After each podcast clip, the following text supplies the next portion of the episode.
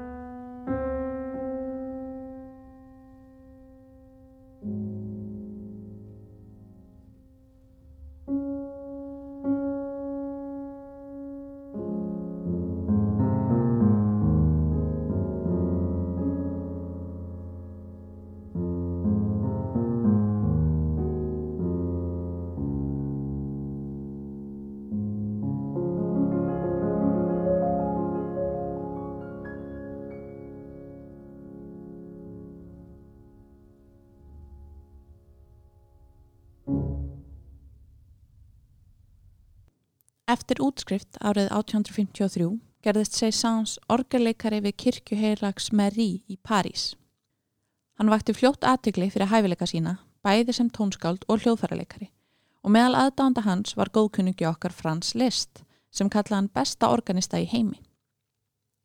Hljómsveitarstjórun Hans von Bülow sem einni hefur komið nokkur sinnum áður fyrir hjá okkur hérna í klassík meðal annars sem vinur Liszt og hljómsveitarstjórun sem Wagner kokkálaði eftirminnilega taldi Seysans vera fremstan samtímamanna sinna þegar koma því að lesa nótur, en hann gætt spilað nánast hvað sem hún var rétt. Hann var líka alveg ótrúlega snöggur að semja. Engur sinni hafði hann glimt í að hann hafi lofað að semja verk fyrir ákveði tilefni og hristi fram úr erminni 21 blaðsína verk á klukkutíma.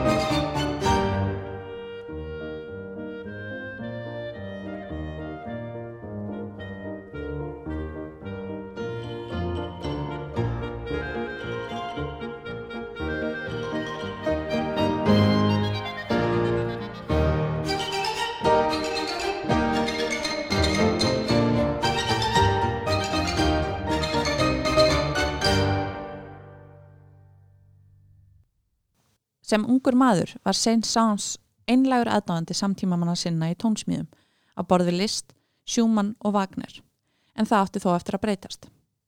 Þrátt fyrir að dásta mönnum á borð við Wagner þá let hann stíl hans ekki hafa áhrif á tónsmíðan sínar, ólíð því sem var í tísku þá og hjælt sínu streiki. Árið 1861 tók Saint-Saëns við stöðu sem kennari við nýstofnaðan tónlistarskóla í París, École de Musique Classique et Religieuse sem var ekki með jafn íhaldsaman algun og tónlistarakademían sem hann hafi sjálfur gengið í. Hann starfaði aðeins í fimm ár sem kennari en var mjög vinsæl og hafi mikil áhrif að nefndur sína. Þar á meðal hitt aðalviðfangsefni dagsins í dag, Gabriel Fauré, sem var nefandi hans frá árinu 1861. Þegar Seysans vann sem kennari langaði hann að semja verk sem myndi höfða til nefnda sína og upp frá þeirri hugmynd var til Karneval dýrana sem er líklega frægasta verk Seysans.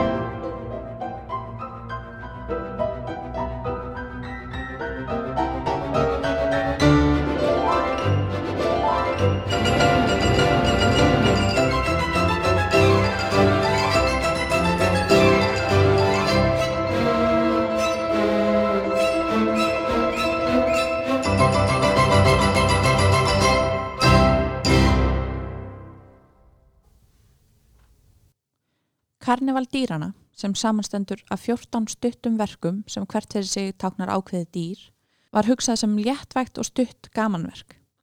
Saint-Saëns lauk ekki við að semja það fyrir árið 1886 og eftir það var það aðeins flutt í engasamkomum til gamans. Saint-Saëns lagði blátt bann við því að það væri flutt ofinberlega þar sem honum var andum að hann væri tekinn alvarlega sem tónskáld og honum þótti þetta léttvæga verk ekki endurspegla sig nógu vel. Hann gaf hins vegar leifi til þess að það væri flutt eftir andlátt sitt og það er í dag eflaust vinsalasta verkið hans, bæði meðal barnina og fullorðina. Þar má meðal annars finna þetta fallega stef hér, stef svansins, en það er ekkert léttvægt eða grínlegt við það að mínumati.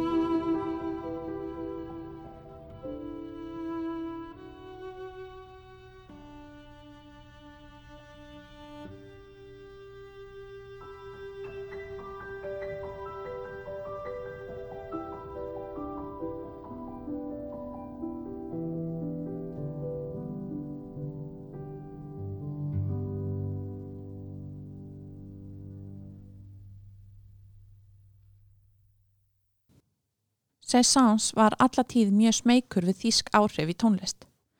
Þrátt fyrir að vera aðdáðandi Wagners, Beethovens og annara þýskra tónskálda og hafa þegið mikið frá bak, þá var hann hrættur um að aðgangshörð áhrif þýskrar tónlistar myndu gera útafið franska sérstöðu. Hann var í þann mynd að stopna sérstakt félag um vernd franskrar tónlistarararfleðar þegar franko-prúsneska stríðið braust út með miklum látum ára 1870. Allt fór í háaloft og þegar yfirmaður hans að þeim tíma var myrtur af óðum líð ágað hann að það væri örugast að flýja land og fór til Englands. Þegar hann snýri aftur til Fraklands árið eftir tók hann eftir því að andgermönskum kendum hafði vaksið fiskur um hrygg í París og meðbyr með sér frönsku tónlistarfélagi var meiri en nokkru senni fyrr. Upp frá því var til Société Nationale de Musique sem átti eftir að gegna mikilvægi hlutverki í frönsku menningarlífi fram eftir 2000-öldinni. Eins og áður sæði voru Saint-Saëns og móður hans mjög náinn og þau bygguð saman í stórri íbúð á besta stað í París. Saint-Saëns var mikill einfari þannig að það kom öllu mikið á óvart þegar hann gifti sig árið 1875. Hann var þá að verða færtur en brúður hans, Marie-Laure Truffaut, var 19 ára. Hjónabandið var að væga sagt algjört disaster. Það er eflaust ekki vennlegt til vinnings að brúðguminn sé tvöfalt eldri en brúðurinn en auk þess var Seysans frekar erfiður í sambúð samkvæmt móður hans. Hún var líka ekki samþygt hjónabandinu og það sem meira er heimtað hún að fá að búa með þeim. Seysans og Marie Lohr eignuðist saman tvo drengi sem báðir létust með sex vekna millibili ára 1878. Annar þeirra lést úr lúnabolgu aðeins sex mánuða gamall en sá eldri, sem var tveggjára, lést eftir að hafa dottið út um glugga íbúðar þeirra í París. Saint-Saëns kendi konu sinni um atvikið og sambandið beigð þess aldrei bætur. Þau slitu samvistum eftir þryggja ára hjónaband en skildu þó aldrei formlega.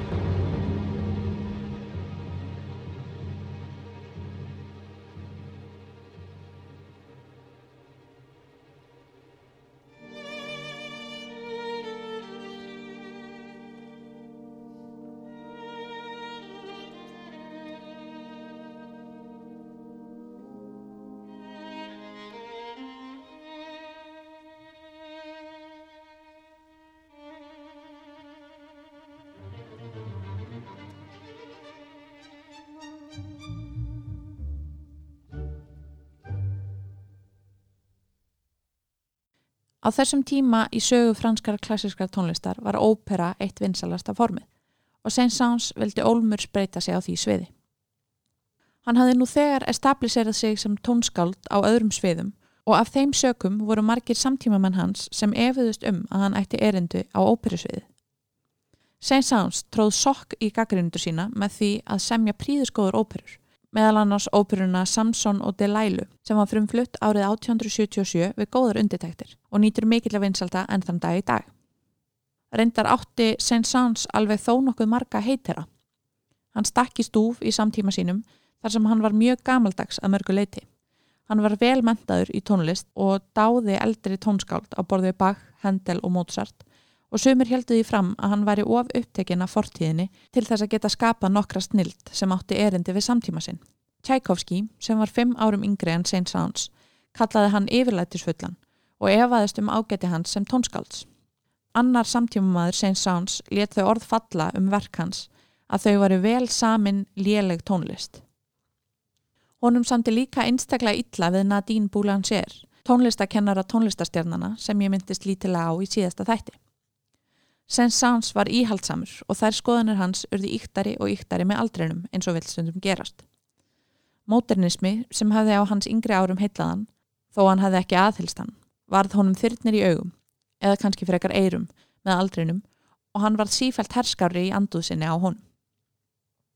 Saint-Saëns var ófeimin við að gaggrýna samtímumann sína. Hann líkti tónlist Debussy sem er umfylgjarnarefni næsta þáttar við kúbisma og fór ekki fárum orðum um verk Fauré sem af hverjum voru tilenguð honum sjálfum. Áður hafði Saint-Saëns litið niður á Wagner fyrir þjóðernishyggju hugmyndir hans en hann byrjaði sjálfur að sína þjóðernishyggju takta þegar hann vildi gera þýska tónlist ólöglega í Fraklandi til að vernda franska tónlist frá þýskum áhrifum. Þrátt fyrir að hafa verið miður hrifin að þeirri stefnu sem fransk tónlist var að taka á efri árum sínum lifði Saint-Saëns nokkuð góðu lífi. Eftir lestarslýsið sem hjónabandið hans var, einbætti hann sér frekar að hundunum sínum en hann var mikill hundamaður. Hann ferðaðist mjög mikið frá 1870 og þar til hann lést árið 1921 fór hann í 179 ferðalög til 27 landa, allt frá Kanaríum til Vietnam og Norður Afriku. Saint-Saëns náði háum aldri og var virkur í bransanum allt til hinsta dags. Sá kom þann 16. desember 1921 þegar Saint-Saëns var á ferðalagi um allsýr. Hann fekk þá óvænt hjertaáfall og ney niður og lést nánast samstundis, 86 ára að aldri. Líka með hans var fluttur til Parísar þar sem hann fekk virðulega útför, en meðal viðstatra var ekki hans Marie Laure, en þau hefði ekki hist í rúm 40 ár. Áður en að við vindum okkur að Gabriel Fauré, hinu tónskaldi dagsins, skulum við hlýða á Maestoso Allegro úr Orgelsinfoni í Sémól, sem er á mörgum talin vera magnum opus Cézannes. Þau ykkar sem eru aðdándur myndarinnar um Batta Grís og smala æfintýri hans ættu að kannast við þetta verk.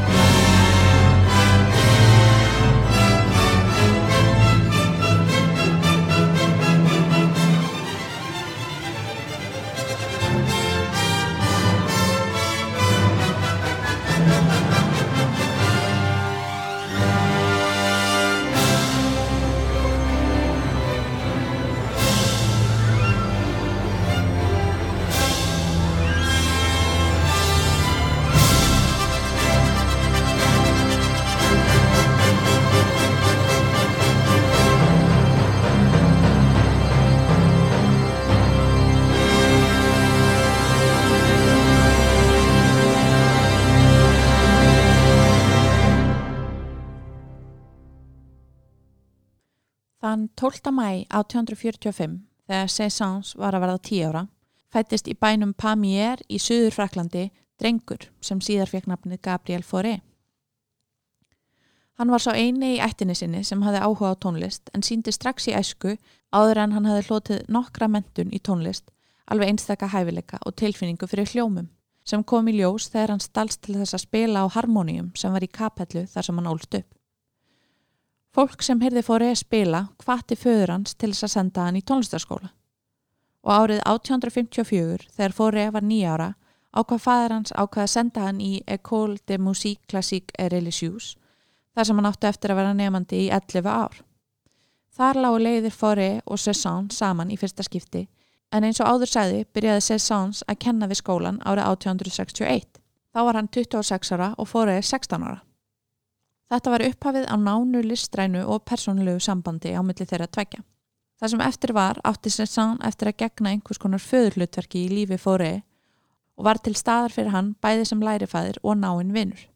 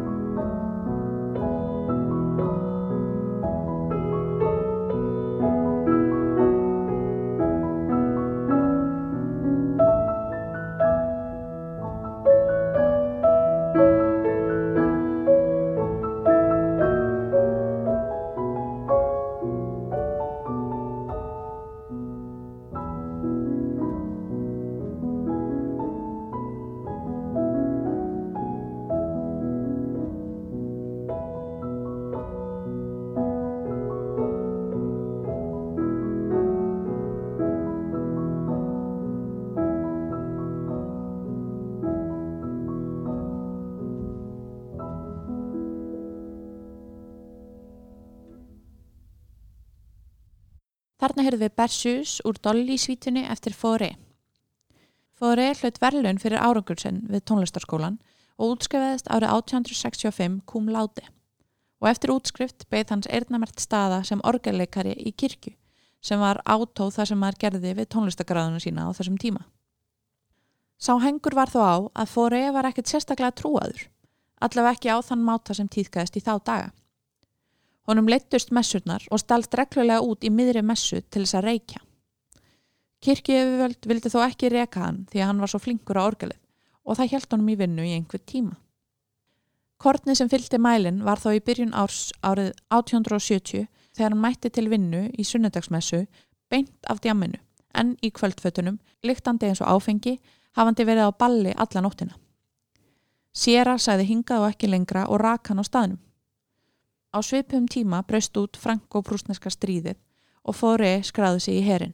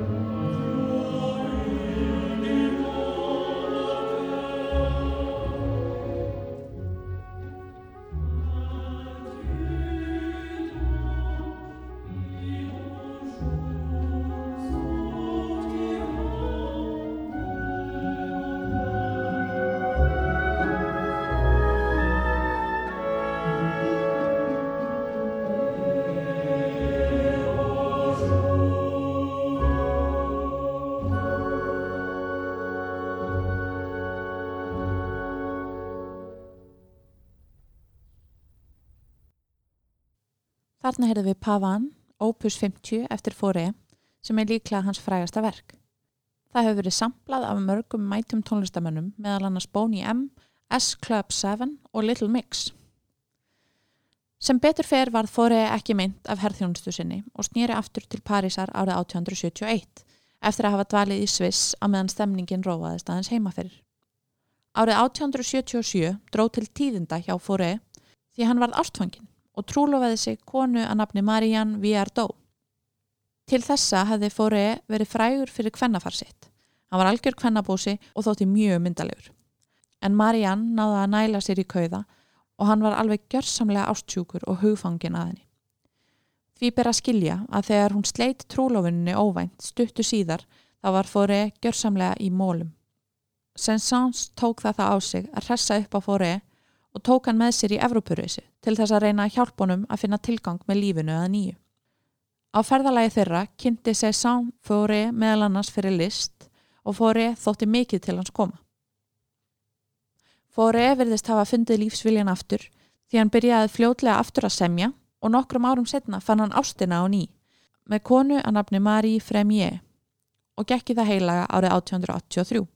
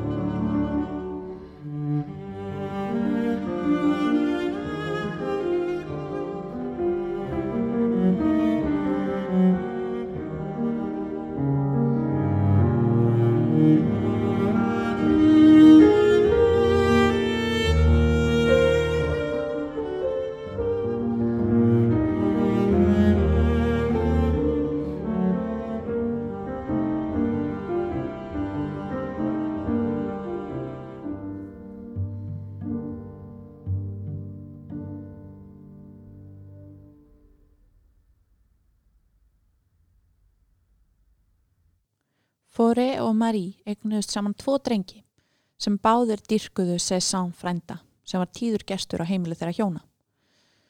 Hefbundið heimilislíf hendaði Fóri samt ekki. Hann var mikið að heiman og leitaði þá í félagskap annara kvenna, eða viti hvað ég á við, og undir sér illa í einmannslutverkinu. Meðal þeirra kvenna sem Fóri var að dandalast með var söngkonan Emma Bardak, en hún átti síðar eftir að giftast Claude Debussy, en meira um það í næsta þætti. Emma og Fóri áttu í lungu ástarsambandi og það veitti honum mikinn innblástur. Dolly svítan sem við heyrðum hér áðan er til að mynda tilenguð dóttur hennar sem Fóri var mjög hrifin af. Sumir haldaði fram að Fóri hafi verið fadir hennar en það er þó engan veginn staðfest. Eins og gefur að skilja var Marí ekkert sérlega sátt við þennan ráðahæg og samband þeirra þróaði smám saman í platónst vinasamband en þau voru alla tíð mjög náinn. Fóri átti fullt í fangi með að afla nægilega tekna til að framfleta fjölskyldu sinni. Hann hafði varla tíma til að semja nema í sömarfrýjum sínum því hann þurfti að eða öllum tíma sínum í kennslu. Viðtökurnar við tónlist Fóri í Fraklandi voru ekki sérlega enthúsiastik og þrátt fyrir að vera mjög vinsæl á Breitlandsegjum þá var það ekki nót til þess að hann geti lifað á tónsmíðum einum. Þessar stöðu fjárhagsáhægjur, álag og ofullnægð sköpunaþrá eru til þess að Fóri dílaði við mikið þunglindi. Fóri var þó líkt og Cézannes alveg sérstaklega vinsælt kennari og nemyndur hans elskuðan, en þar á meðal var Maurice Ravel sem fjallað verður um í næsta þætti.